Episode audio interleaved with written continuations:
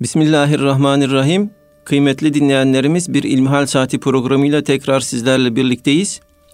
Yüce Rabbimizin selamı, rahmeti ve bereketi hepimizin üzerine olsun efendim. Sizlerden bize ulaşan ilmihal sorularını değerli hocamız Doktor Ahmet Hamdi Yıldırım cevaplandırıyor. Muhterem hocam ilk sorumuz şöyle bugün. Selamun aleyküm hayırlı günler. Düzenli ödeme koşuluyla taksit için kredi kartı kullanabilir miyiz diye sormuş dinleyicimiz. Elhamdülillahi Rabbil Alemin ve salatu ve selamu ala Resulina Muhammedin ve ala alihi ve sahbihi ecmain.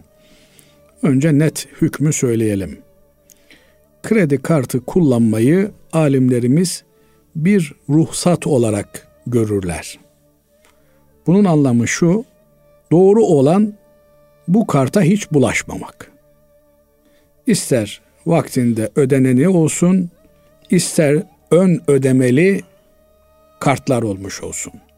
Biliyorsunuz iki türlü kredi kartı var. Bir tanesi önce harcamanı yapıyorsun. Ay sonunda ekstren geliyor ve işte belli bir gün içerisinde onu ödemen gerekiyor. Bir de ön ödemeli olanlar var. Banka hesabından. Şimdi buna bankamatik diyorlar.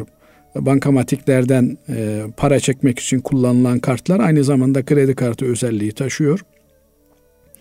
İster önceden bankada paran olsun o parandan harcıyor ol. İstersen de direkt e, kredi kartı önce harca sonra öde cinsinden olsun. Doğru olan bu kartları kullanmamak. Ama kullanma ruhsatı verilmiş kardeşimizin dediği gibi vaktinde ödemek kaydıyla faize düşmemek kaydı ile. Cevabı bu. İsterseniz bunu açabiliriz. Buyurun Basri biraz hocam. açın hocam. İsterseniz de hani çok uzatıyorsun diyorlar ya evet. bununla iktifa edebiliriz. Şimdi niye doğru olan kullanmamak? Çünkü bu kart kapitalist sistemin sömürü faiz düzeninin bir enstrümanı, bir aleti. Bu kartla insanları faize itiyorlar. Evet ben dikkat ediyorum faizle işim olmaz, vaktinde ödüyorum. Dolayısıyla bu noktada benim faizle uzaktan yakından bir ilişkim olmuyor. Fakat o çarkın içerisine girdiğiniz için belki sizin olmuyor ancak sizin işlem yaptığınız kimseler diyelim ki bakkala gittiniz, ekmek aldınız, kredi kartıyla ödemeyi yaptınız. Bakkal post cihazından kredi kartını geçirdikten sonra bankadan ödemesini bir ay sonra 40 gün sonra alacak. Eğer erken alayım derse o zaman bir yüzdelik ödeyerek bunu alacak. Dolayısıyla siz ben faize bulaşmadım diyorsunuz. Ancak işlem yaptığınız müessese faize bulaşmış olabiliyor. Dahası bu bir çark.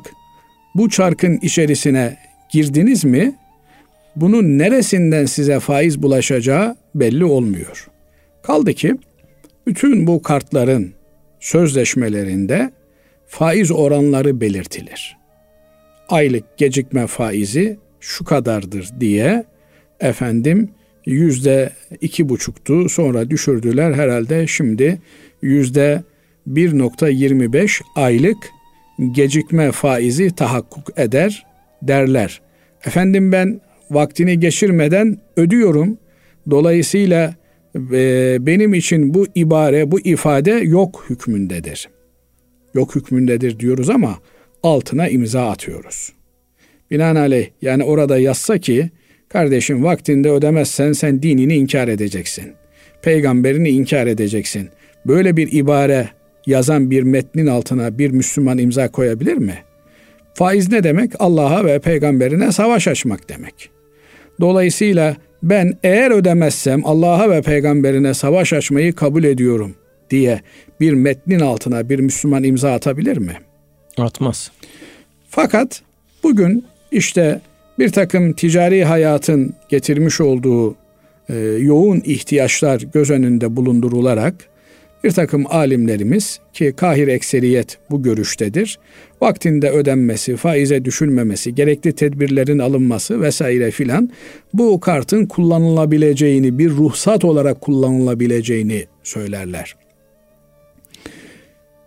Yalnız üzülerek ifade etmek gerekir ki İslami finans yaptıklarını söyleyen, faizsiz bankacılık yaptığını söyleyen bankalarımız da gittikçe konvansiyonel bankacılığın enstrümanlarını tamamen taklit etmeye başladılar.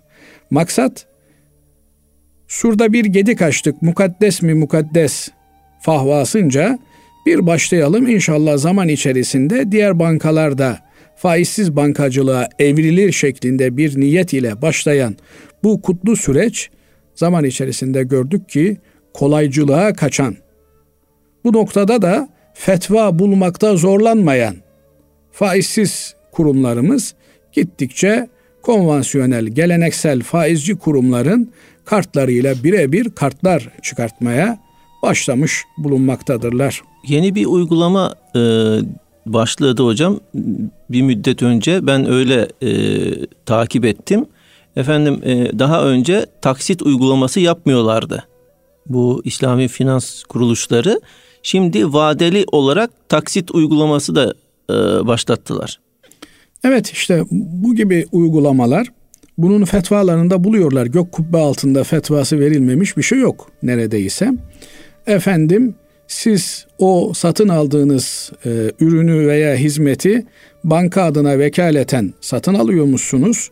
Ondan sonra banka size onu taksitlendirerek tekrar satıyormuş. Dolayısıyla böyle bir taksitlendirmede problem olmazmış. Bu mışmışlar üzerine kurulu olan ilişkinin tam karşılığı şu. Bu da helal olmuş gibi olur. Binaenaleyh bundan uzak durmakta fayda var. Ee, ama eğer bir e, yoğun ihtiyaç söz konusuysa o zaman da e, bunu bir ruhsat olarak kullanabilir kardeşlerimiz. Fakat bunun bir ruhsat olduğunu unutmamak gerekiyor. Çünkü e, Türkiye bu anlamda bir kredi kartı çıkartmaya çalışıyor memleketimiz kendi yerli ürününü. Ancak gördüğümüz kadarıyla piyasada hakim olan kartlar tamamen uluslararası kapitalist düzenin kartlarıdır. Bu kartlarla o, o sistemin, o düzenin değirmenine su taşıdığımızı da unutmamamız gerekiyor. Bu yönüyle bakıldığında insan olabildiğince bu sistemden uzak durmaya gayret etmeli. Evet. Değerli hocam bir diğer dinleyicimiz şöyle bize yazmış. Bir tanrı düşünün ki gönderdiği kitaplardan sadece birini koruyacağını söylüyor. Diğerlerini önemsemiyor. Bu nasıl bir tanrı? Hicr suresinin 9. Iı, ayetinde Hicr 9'da Tanrı sadece Kur'an'ı mı okuyacağını söylüyor. Gerçekleri nasıl çarpıtıyorsunuz? Bu vebalin altında kıyamet günü iki kat ceza alacağınızı düşünmüyor musunuz? diyor. Tabii yani e, bu tür ne idüğü belirsiz e, söylemler her zaman ola gelmiş. Şeytan bile bu tür akıl yürütmeleriyle Cenab-ı Allah'a isyan ediyor. Şeytan Allah'ın karşısına geçip de ben senin emrini tutmuyorum, ben seni dinlemiyorum demiyor. Aksine sen bana bir e, emir verdin Adem'e secde et diye. Oysa ben baktım gördüm ki ben Adem'den daha hayırlıyım. Eğer birinin birine secde etmesi gerekiyorsa Adem'in bana secde etmesi lazım. Şimdi şeytanın argümanı bu arkadaşımızın argümanına göre daha tutarlı bir argüman haşa. Yani bir e, anekdotla müsaadeniz olursa cevap vereyim. Hani meşhur bir hikayedir anlatırlar. Tarihte bir menkıbedir. Fatih Sultan Mehmet ilk tahta geçtiğinde henüz yeni bir e, delikanlıdır. 10 e, küsür yaşlarındadır. E, teenager diyorlar şimdi yabancı ifadesiyle. E, bunu fırsat bilen Haçlılar Osmanlı'ya savaş açarlar. E, Fatih çok zeki bir delikanlı. Hemen babasına mektup yazar. Ordunun başına, devletin başına gel der. Babası da ben artık der saltanatı bıraktım. Yeni sultan sensin. Başının çaresine bak. Fatih bunun üzerine derhal ferman yayınlar. Sultan bensem emrediyorum ordunun başına geç der. Yok sultan sensen devletin başına gel otur der. Şimdi Allah Allahsa istediğini yapar. La yus'el amma yef'al ve hum yus'elun. Allah yaptıklarından hesaba çekilmez. Niye öyle yaptın? Niye böyle yaptın diye Allah'a bir soru sorulmaz. Kim soracak Allah'a soruyu? Yani Allah'ın yarattığı üstelik de yani en adi bir sudan yaratılmış olan insan kalkıp da Allah'a meydan mı okuyacak? Yasin suresi bunu al, anlatır. Feyza huve hasimun mubin bir de insan apaçık bir düşman olarak Rabbinin karşısına geçmiş. Onu niye öyle yaptın? Bunu böyle niye yaptın? Bunlar tamamen şeytanın bir insanı ele geçirmesinin tezahürüdür. Önce Allah'ın varlığına, birliğine iman edecek bir insan, Allah'ın varlığına, birliğine iman ettikten sonra Allah'ın emirlerini sorgulama gibi bir bedbahlığın içerisine düşemez. Allah kitap göndermiş, insanlar yaratmış, peygamberler seçmiş onların arasında. E, hikmetinden sual olunmaz. O insanlar yoldan çıkmışlar. Her yoldan çıktıklarında peygamberler göndermiş, kitap göndermiş. En sonda ben size Muhammed Mustafa sallallahu aleyhi ve sellemi gönderdim. Artık bu son peygamber. Hani kıyamet alametini soruyorlar ya bazen. Kıyametin en büyük alameti Hazreti Peygamber aleyhissalatu vesselam Efendimizin peygamber olarak gönderilmesidir. Çünkü son peygamberdir aleyhissalatü vesselam Efendimiz. Cenab-ı Allah bu dünyayı imtihan olarak yaratıp bize, bizi de bu dünyaya göndermiştir. Sonsuza kadar devam edecek bir şey söz konusu değil. Yani bu e, arkadaşın sorduğu niye böyle bir ayrıcalık, Muhammed Aleyhisselatu Vesselam'a son kitap veriliyor, öbür peygamberlere verilen kitaplar e, neshedilmiş, ortadan kaldırılmış. Peygamber Efendimiz'e verilen de ortadan kaldırılsın. E nereye kadar? Muhakkak sonunda bir son kitap olacak. İşte Cenab-ı Allah murad etmiş ki İslam dini son dindir. Bu dine tabi olanlar ahirette kurtulurlar. Muhammed Mustafa sallallahu aleyhi ve sellemi peygamber olarak bilenler, bu şeriatın hükümlerine tabi olanlar ahirette kurtulurlar. Yani sen çok iyi bir vatandaş olabilirsin. Dünya devletlerinin herhangi birine bağlı çok mumtaz bir e, vatandaş olabilirsin. Dünyada işini yürütebilirsin. Ama ölümle beraber başlayan herkesin kıyamet alemi orada Allah'ın önünde hepimiz hesaba çekileceğiz. Kaldı ki bu dünyada Allah'ındır. Cenab-ı Allah yer yer bizi imtihan ediyor. O imtihanlardan nasip alarak Allah'a dönebilmeyi Cenab-ı Allah'tan niyaz ederiz. Binaenaleyh burada Allah veya şöyle bir iddiada söz Allah niye diğer peygamberlerin kitaplarını muhafaza etmedi? Allah dileseydi Adem'i cennetten de göndermezdi. İnsanlar cennette güzel bir hayat yaşarlardı. Binaenaleyh bu tür soruları sormaya başladı mı bir insan şeytan onun aklıyla oynamaya başladı demektir.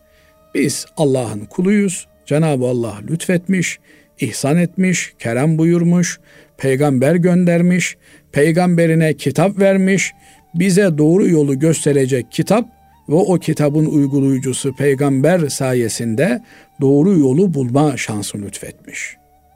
Binaenaleyh Allah'ın dinine tabi olan Peygamber aleyhissalatü vesselam Efendimizin sırat-ı müstakimi üzerine yürümeye gayret edenler kurtulmuşlardır.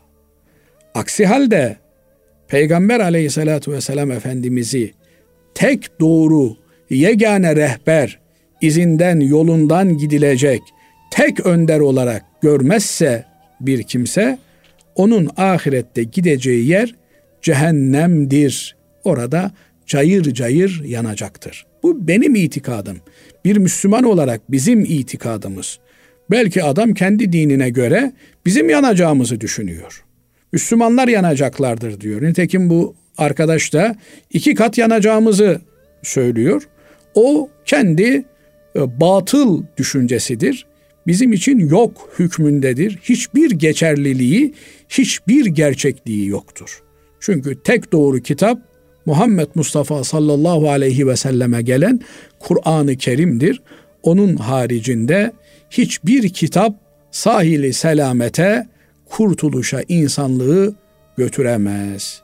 Onun için bu kardeşimize tavsiyemiz imana gelsin, tövbe etsin, Kur'an'a sarılsın. Peygamber aleyhissalatü vesselam Efendimizin hayatını örnek olmaya gayret etsin. Evet. Değerli hocam, üçüncü e, sorumuz. Selamünaleyküm hocam. Karides, midye gibi denizden çıkan balık harici canlılar yenebilir mi? Allah razı olsun demiş. Şimdi deniz ürünleri, deniz mahsulleri, su mahsulleri ile ilgili genel kuralımız şu. Hz. Peygamber aleyhissalatü vesselam Efendimiz'e deniz ürünleri soruluyor. Yani denizden çıkartılıp da yenilen balıklar vesaireler soruluyor. Efendimiz Aleyhisselatü Vesselam deniz suyunun temiz, deniz ölüsünün de helal olduğunu söylüyor. Yani denizden çıktığında ölen hayvanı direkt olarak yemek helaldir anlamına geliyor. Burada e, alimlerimizin üzerinde durduğu iki şey var. Birincisi deniz nedir? Su nedir? Su hayvanı nedir? Bu yönüyle alimlerimizin kahir ekseriyeti derler ki hayatına suda başlamış ve suda bitiren hayvanlar su hayvanlarıdır. Deniz hayvanlarıdır. Bu nehir de olabilir, çay da olabilir. Suyun dışında yaşama imkanı olmayan hayvanlar su hayvanlarıdır. Efendimiz Aleyhisselatü Vesselam su hayvanlarının ölüsünün helal olduğunu söyler. Bunun anlamı karaya vurmuş zehirli olan hayvanlar değil. Yani denizden avladığınız, çıkarttığınız ne oluyor? Denizden çıkınca ölüyor hayvancağız. Bunları yemek helaldir. Fakat diğer taraftan Kur'an-ı Kerim bize Peygamber aleyhissalatu vesselam Efendimiz'i tanıtırken yuharrimu aleyhimul habais. Peygamber çirkin, pis, fıtraten iğrenç olan şeyleri yasaklar buyuruyor. Buradan anlıyoruz ki Peygamber aleyhissalatu vesselam Efendimizin Cenab-ı Allah'tan aldığı vahiy ile insanlara Kur'an dışında da bir takım şeyleri yasaklama, haram etme yetkisi bulunuyor. Elbette Hz. Peygamber aleyhissalatu vesselam Efendimizin her konuştuğu vahiy olduğu için e, bu haram etmenin, bu bilginin arka planında Allah'tan aldığı vahiy vardır. Buradan da şu neticeyi çıkartıyoruz. Eğer genel olan hükmün, umumi hükmün deniz ürünleri, su mahsulleri helaldir ifadesinin içerisinde bu mahsullerden iğrenç olan, tabiatı tiksindirici olan şeyler varsa bunlar bu ayetin şumulüne girerler. Binaenaleyh bunlardan uzak durmak lazım. Bu yönüyle bakıldığında bir taraftan Kur'an ayeti, peygamber habis olan şeyleri haram kılar ifadesi var.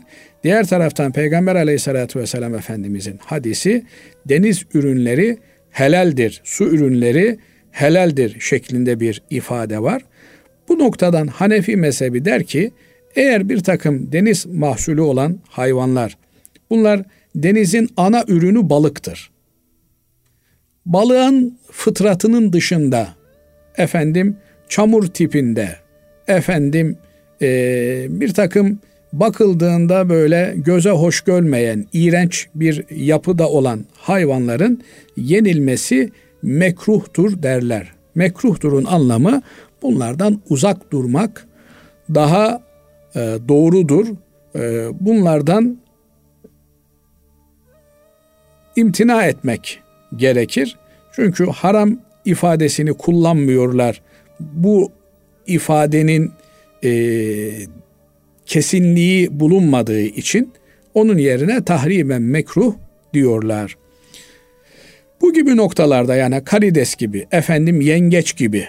Şimdi kanser diyoruz değil mi? İğrenç bir hastalık, kötü bir hastalık. Onun adı kanser. Kanser ne demek Türkçe? Yengeç demek. Yani böyle yengeç gibi evet. bütün vücudu saran. Bu hayvanlara baktığınız zaman bir e, karada görseniz örümcek gibi tiksinirsiniz, uzak durursunuz. Bunlardan uzak durmak gerekir Hanefi mezhebi açısından.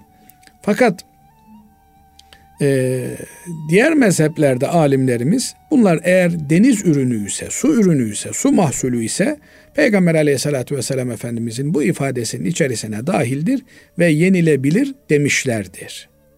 Peki bu durumda biz ne yapacağız? Yani Hanefi mezhebi bunlara neredeyse haram gözüyle bakar. Şafi mezhebi helal gözüyle bakar. Biz bu durumda ne yapacağız? Fakirin kanaati acizane bundan uzak durmak gerekir. Ama yiyene de ister Hanefi mezhebinden olsun ister Şafi mezhebinden olsun ne yapıyorsun diye müdahale etmek de doğru bir şey değil. Evet. Mafi zaman zaman bu e, mahsullerle ilgili bir takım e, açıklamalar da yapılıyor. E, bunların işte zararlı vesaire filan olduğuna dair. Onlar e, uzmanlarına ehli olan kimselere, ihtisas branşlaşmış olan kimselere sorulacak şeyler. Ama temel itibarıyla e, Hanefi mezhebinin su mahsullerine bakışı budur. Evet. Allah razı olsun hocam. Efendim kıymetli dinleyenlerimiz e, birinci kısmın sonuna erdik. Kısa bir ara veriyoruz. İnşallah aradan sonra kaldığımız yerden devam edeceğiz. Kıymetli dinleyenlerimiz İlmihal Saati programımıza kaldığımız yerden devam ediyoruz. Efendim sizden bize gelen soruları değerli hocamız Doktor Ahmet Hamdi Yıldırım cevaplandırıyor. Şunu da e, hatırlatalım. Erkam Radyo WhatsApp hattına sorularınızı gönderebilirsiniz. Muhterem hocam dinleyicimiz şöyle e, bize yazmış. Kadın veya erkeğin mahremi olmayan kişilerden internet üzerinden YouTube, Zoom gibi İslami dersleri alması caiz olur mu?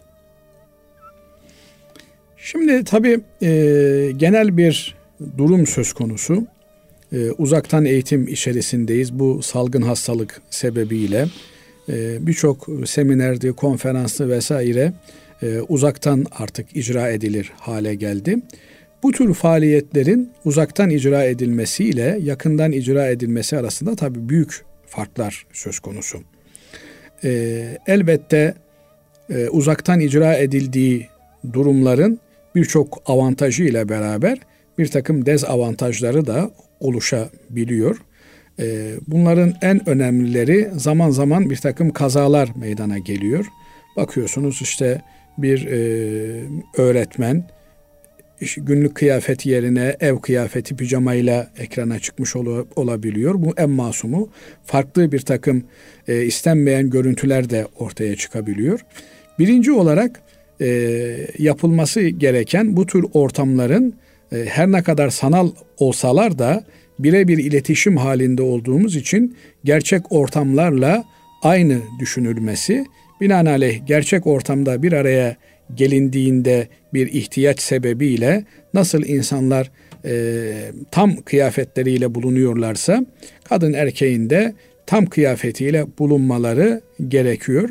Bu anlamda ekran açık olarak yapılan bu tür e, faaliyetlerde tam tesettürlü bulunmaları gerekiyor.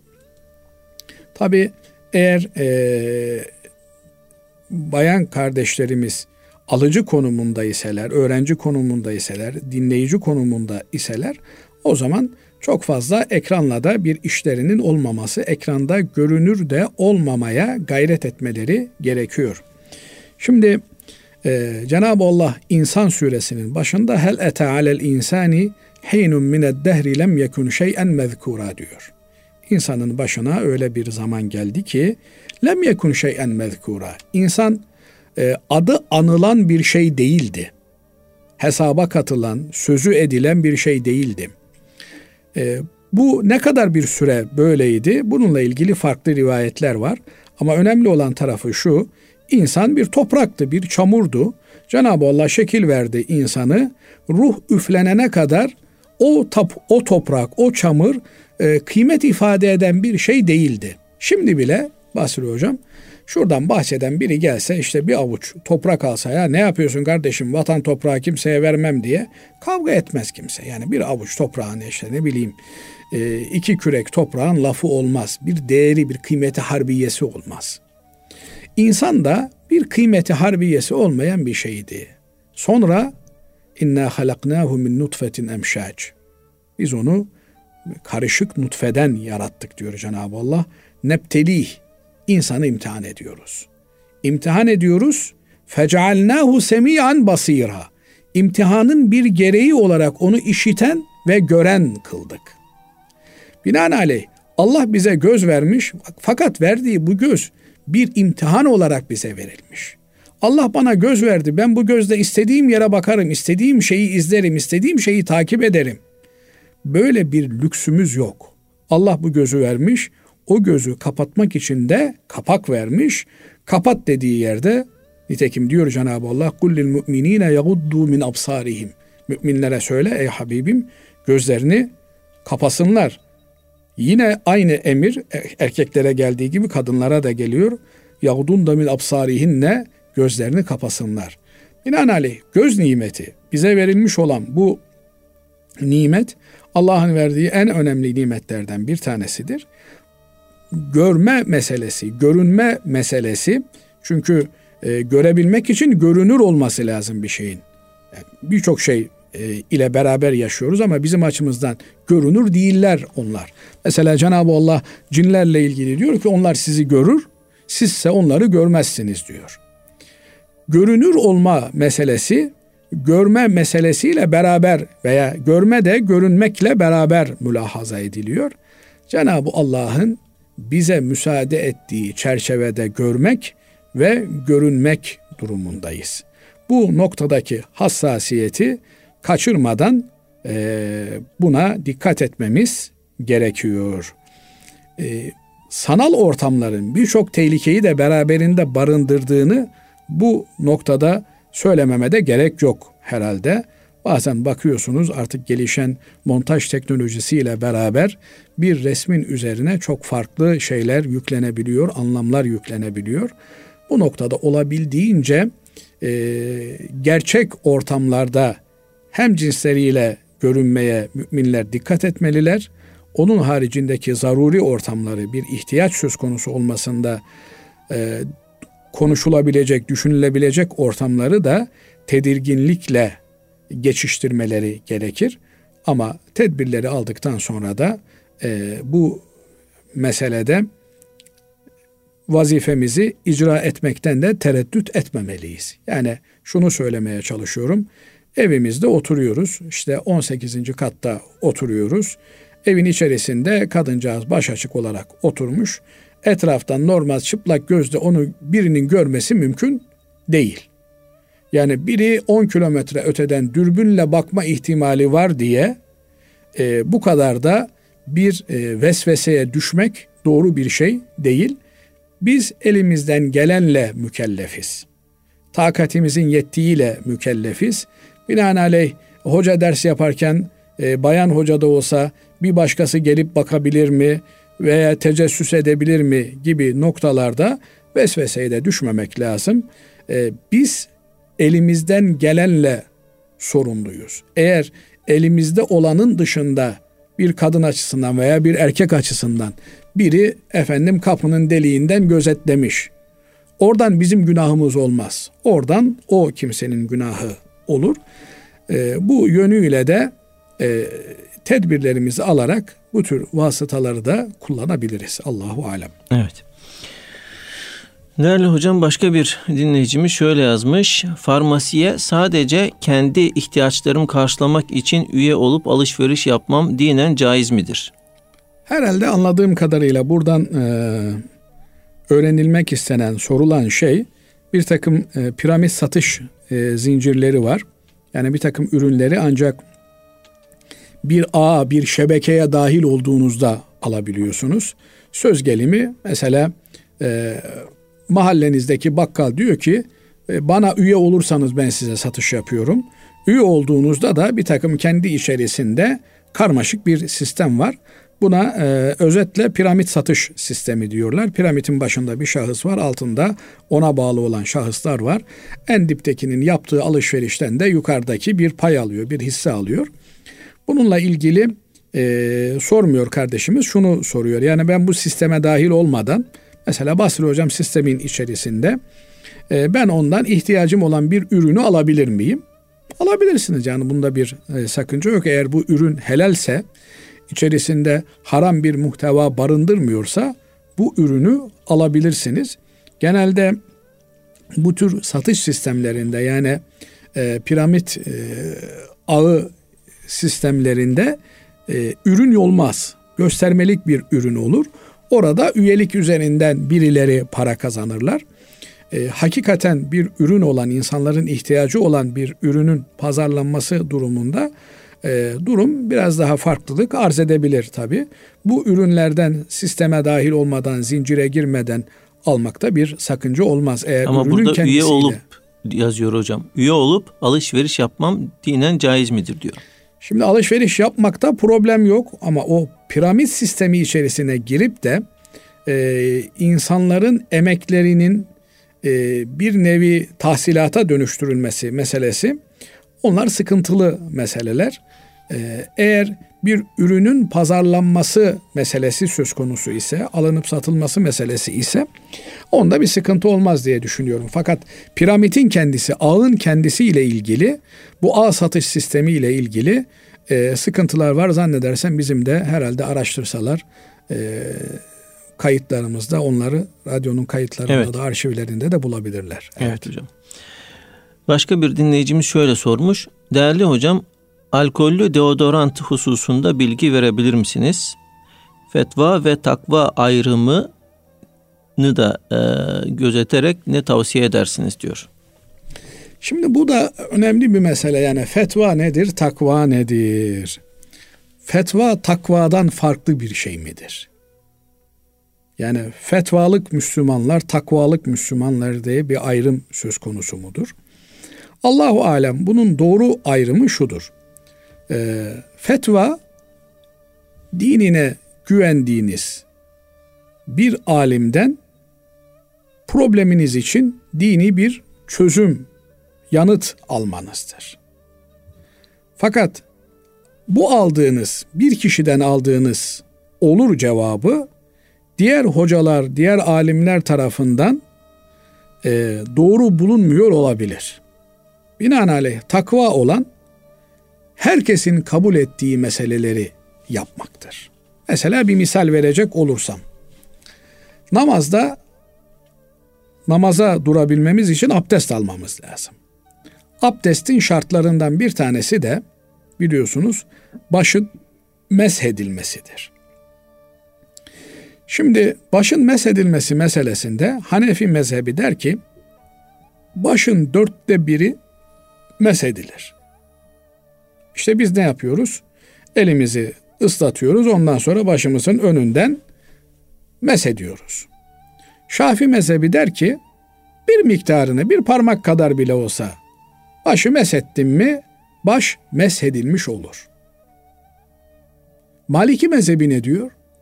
Maliki mezhebi de diyor ki başın meshedilmesi için başın tamamının meshedilmesi lazım gelir. Yani kaplama mesih yapılması lazım gelir. O zaman ne yapıyoruz? Ellerimizi yıkadık. Böyle önden arkaya doğru bütün başımızı mesediyoruz. Fatva, fetva eğer Hanefi mezhebindense bir adam başın dörtte birini mesetti, başı mesedilmiş oldu. Takva nedir? Dört mezhebe göre de abdestli olabilmek için başın tamamını mesetmektir. Bu nokta önemli. Şimdi bu noktadan bakılınca Hanefi mezhebi der ki alkol dediğimiz şey müskirat veya yani sarhoşluk veren maddeler bunlar yasaklanmıştır. Fakat e, yasaklanmanın anlamı nedir?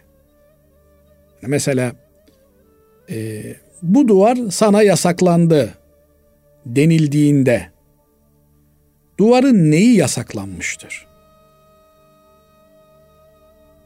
Duvara çivi çakmak mı yasaklanmıştır? Bu duvara yaslanmam mı yasaklanmıştır? Bu duvarın önünde bekleme yapmam mı yasaklanmıştır? Binaenaleyh bunun cevabı ile ilgili alimlerimiz derler ki eğer bir madde yasak olarak belirtilmişse o maddenin asıl kullanım yolu ne ise o kastediliyordur. Yani mesela anneniz size haram kılındı. Kız kardeşiniz size haram kılındı. Ayetinden ne anlıyoruz biz? Annenizle kız kardeşinizle nikah kıymanız size haram kılındı. Çünkü bir kadın söz konusu olduğunda erkek için ilk akla gelen insan neslinin devamı için evlenmektir. Yoksa annenizin elini öpmeniz size haram kılındı değil veya annenizle oturup bir sofrada yemek yemeniz size haram kılındı denilmiyor.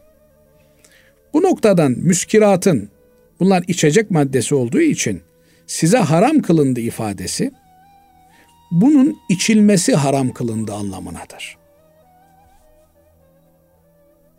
Hanefiler derler ki içilmesi haram kılınan şeylerin içilmesi yasaktır. Uzak duracaksın. Fakat içilmesi haram kılındı diye kendisi necis, pis midir? Belki birçok kardeşimiz tabi böyle bir şartlanma olduğu için diyecek ki kardeşim alkol necistir. Şunun üzerinden bir misal verelim. Mesela adam sigara paketi cebinde taşıyor. Sigara nedir? Tütün. Tütün. Ot yani. Bunu içmek haram.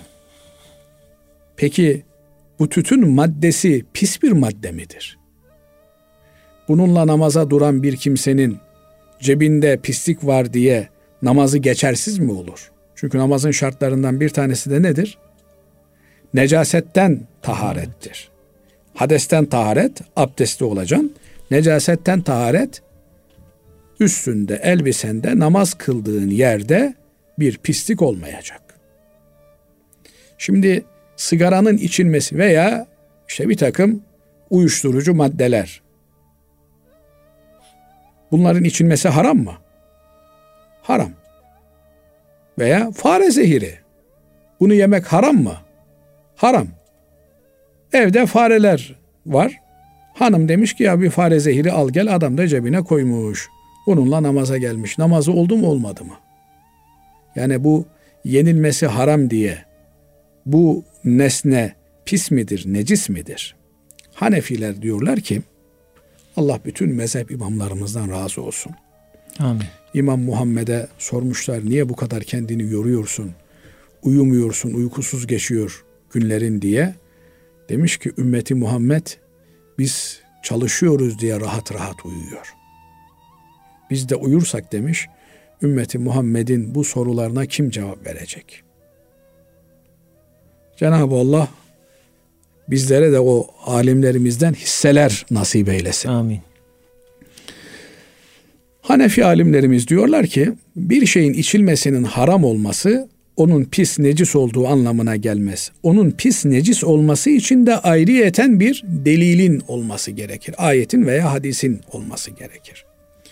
Bu yönüyle tamam şarabın pis olduğuna dair ayet var. İnnehu rics pistir diyor ayet. Uzak duracaksın. Ama alkol dediğimiz madde yani sentetik olarak üretilmiş, kimyasal olarak üretilmiş madde içilmesi haram diye. Mesela kolonya. Bunu içmek haram. Kullanmak efendim ne bileyim bir bugünlerde özellikle salgın sebebiyle temizlik maddesi olarak kullanılıyor. Her gittiğin yerde eline kolonya tutuşturuyorlar veya kolonya değilse de dezenfektan dedikleri yine aynı alkolden mamül bir madde e, tutuyorlar. E, camiye girerken veriyorlar, çıkarken veriyorlar. Tedbir amaçlı olarak yapılıyor. Bunun kendisi necis midir? Hanefi mezhebi diyor ki değildir. Fakat Şafi mezhebi, şimdi kardeşimiz takvayı da sordu ya. Şafi mezhebi diyor ki madem içilmesi yasak, çünkü bu e, alkol vesairenin içilmesinin yasak olması şaraba kıyasla gerçekleşiyor. Şarabın içilmesiyle ilgili ayet var. Binaenaleyh onun içilmesi ve e, kullanımı yasak olduğu için alkolün de içilmesi artı kullanımı yasaktır diyorlar bir iştihat farklılığı. Takva neyi gerektirir? Takva dört mezhebe göre amel etmeyi gerektirir. Yani bu başı Mesih meselesinde söylediğimiz gibi fetva dörtte birini mesetsen de olur. Fakat takva tamamını mesedeceksin. İşte bir önceki sorunuz karides yenilir mi sorusuydu mesela. Fetva işte Şafi mezhebine göre yenilebilir. Ama takva değil mi ki bir mezhepte yenilmez deniliyor. Bundan uzak durmak gerekir. Bilmiyorum ifade edebildim mi Basır Hocam? Evet. Yani deodorant da bu şekilde diyorsunuz. Yani deodorant da aynı şekildedir. Yani bunların içerisinde bir nebze alkol vardır. Ee, bunu kullanmak bu açıdan Hanefi mezhebi kriterlerine göre olabilir. Evet ama evet. doğru olan e, ne kullanmaktır hocam? Isparta gül yağı kullanmaktır. O gül yağının içerisinde de bol miktarda alkol vardır. Fakat ikisi birbirinden farklıdır tabi. Birindeki alkol tabiidir. Diğerindeki hariçten dışarıdan koymadır. Binaenaleyh tabii olanla ilgili herhangi bir problem yok. Hiçbir mezhep açısından yok. Evet. Değerli hocam bir dinleyicimiz şöyle yazmış bize. Tekstil firmasında 20 senedir kuzenlerimin yanında satış azarlama müdürlüğü yapıyorum. Çalıştığım firma son zamanlarda kredili işlemler yapıyor bir bankayla. Benim bu firmayla çalışmamın hükmü nedir diyor. Şimdi tabi yani ahiri zamana doğru Peygamber aleyhissalatü vesselam Efendimiz faizin bulaşmadığı kimse kalmayacak buyuruyor. Yani en bulaşmayana da tozu bulaşmış olacak. Efendimiz aleyhissalatü vesselam faizle ilgili faizi alana, verene, şahit olana ve işlemine e, tanıklık edene ve yazana lanet olsun buyuruyor. Bu yönüyle bakıldığında bu dört e, nokta önemli. Alan da veren de. Şimdi bazıları diyor ki efendim negatif faiz faiz değildir. Yani 100 lira verdin. E adam sana 90 lira olarak bunu geriye veriyor. Hocam bir kişi e, siz bunu birkaç defa daha önce e, dile getirmiştiniz. Böyle bir işlem neden e, yapar? Pek mantıklı gelmiyor hani negatif faiz. İsviçre bankaları yapıyorlar mesela. Adama 100 dolar veriyorsun kardeşim ben diyor senin paranı saklıyorum diyor. Saklamanın karşılığı olarak da binde bir ben buradan keserim diyor. Ama o yani kesinti bir şey ücret olarak işte şeyin ne diyelim muhafaza ücreti olarak e, almasında bir sakınca var mı? Var. Ee, şimdi niye yapar bilmem. Yani beni de ilgilendirmiyor. Ama şunu demek istiyorum ben. Bu 100 lirayı verdin. İster karşı taraf sana 110 lira olarak onu geri versin, ister 90 lira olarak geri versin. Yani faizin negatifi de faizdir. Bu sefer roller değişmiş olur. Sen faiz yiyen değil de yediren olmuş olursun. Ama ortada bir faiz işlemi varsa bu tek taraflı bir işlem değildir. Adam kendi kendine faiz yiyemez. Faiz yiyebilmesi için bir karşı taraf olması gerekir. Burada roller değişebilir. Biri artı biri eksi olabilir ama artı da olan da eksi de olan da bu ifadeyle lanetlenmiştir. Kardeşim benim ihtiyacım vardı 100 lira aldım. Adam benden 110 lira istiyor. Bana ne? O onun hesabını versin. Yok öyle bir şey. Bilmem anlatabildim mi? Evet. Binaenaleyh bu gibi noktalarda faizin bizzat içinde olanla direkt lojistiğini yapan kimselerin bu işten sorumlu oldukları ortaya çıkıyor. Eğer bu kardeşimiz de bu çarkın içerisine dahilse yani tanıklık ediyorsa e, şirketin finans departmanında ise şirketin maliye departmanında ise burada bu e, tehlikenin e, direkt muhatabı demektir. Ama onun haricindeki yerlerde ise şirketin yüzde ellisi bu tür bir faizli işleme bulaşmışsa o zaman buradan uzak durmak gerekir. Öyle değilse e, bir Müslüman olarak bu işe bulaşmış olan kuzenlerini ikaz eder.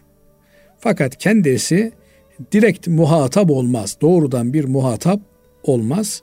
Elbette bir şekilde tanık olduğu için, şahit olduğu için e, kendisine de bir sorumluluk düşer. Fakat bu doğrudan bir sorumluluk değildir.